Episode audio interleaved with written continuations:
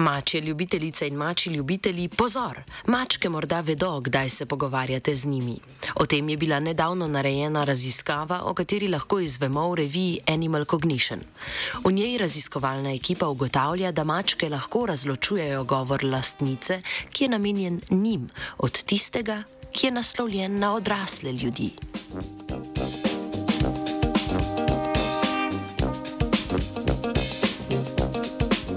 Registr govora, v katerem ljudje govorijo hišnim ljubljenčkom, se navadno razlikuje od registra, v katerem naslavljajo odraslo osebo. Odrasli, podobno kot z mlajšimi otroki, tudi s svojimi domačimi živalmi, pogosto govorijo nekoliko potročeno. Pretekle raziskave, ki so se usmerjale na pse, so ugotovile, da ti zaznavajo, kdaj je človeški govor namenjen njim. Francosko raziskovalno ekipo pa je zanimalo, ali podobno velja tudi za mačke.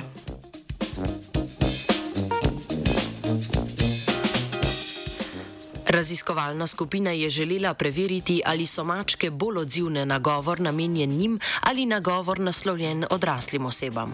V ta namen so 16 odraslim domačim mačkam v njim domačem okolju predvajali posnetke izjav bodi si v ljubkovalnem, bodi si v običajnem govornem registru.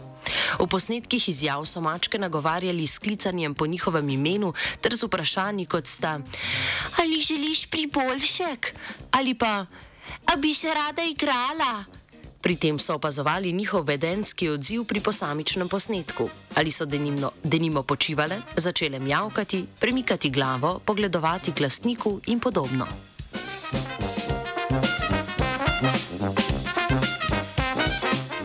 V vsaki seriji so predvajali tri enake posnetke izjav, naprimer tri posnetke vprašanja, ali želiš priboljšek v običajnem govornem registru, pri tem so spremljali, ali se je mačka v tem času habitulirala na te izjave, torej v vedenju ni izkazala posebnega zanimanja za te izjave.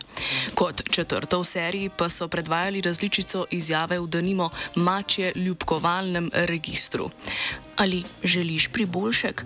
Pri tem pa so spremljali, ali se je mačka dishabitulirala, torej ali se je na to izjavo začela odzivati drugače oziroma izkazala zanimanje za njo.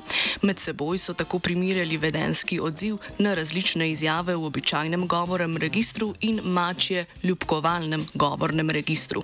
Poleg tega so preverili, ali se bo odziv mačk razlikoval glede na to, ali bo šlo za posnetek govora njihovega lastnika ali za govor njim neznane osebe.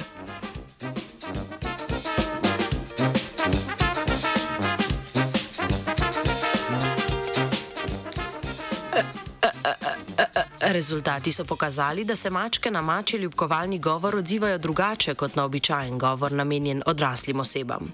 Takšen trend se je pojavil samo pri izjavah njihovih lastnic, ne pa tudi njim neznanih odraslih oseb. Ker so bile v vzorec vključene le notranje mačke z omejenimi človeškimi interakcijami, bi bilo zanimivo raziskavo izvesti še na vzorcu mačk, ki imajo izkušnje z različnimi osebami in ne večinsko samo s svojimi lastnicami.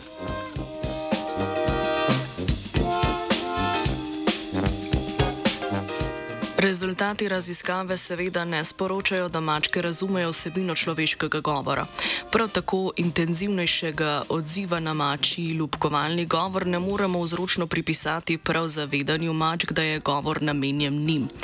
Povečan vedenski odziv bi lahko pripisali tudi pozitivnim izkušnjam, ki so jih mačke deležne v situacijah, ko slišijo takšne vrste ljubkovalni govor. Ne glede na naše pomisleke, pa avtorice in avtori študije vse ljudi pozivajo, pozivajo, da mačke obravnavamo kot občutljive in komunikativne posameznice.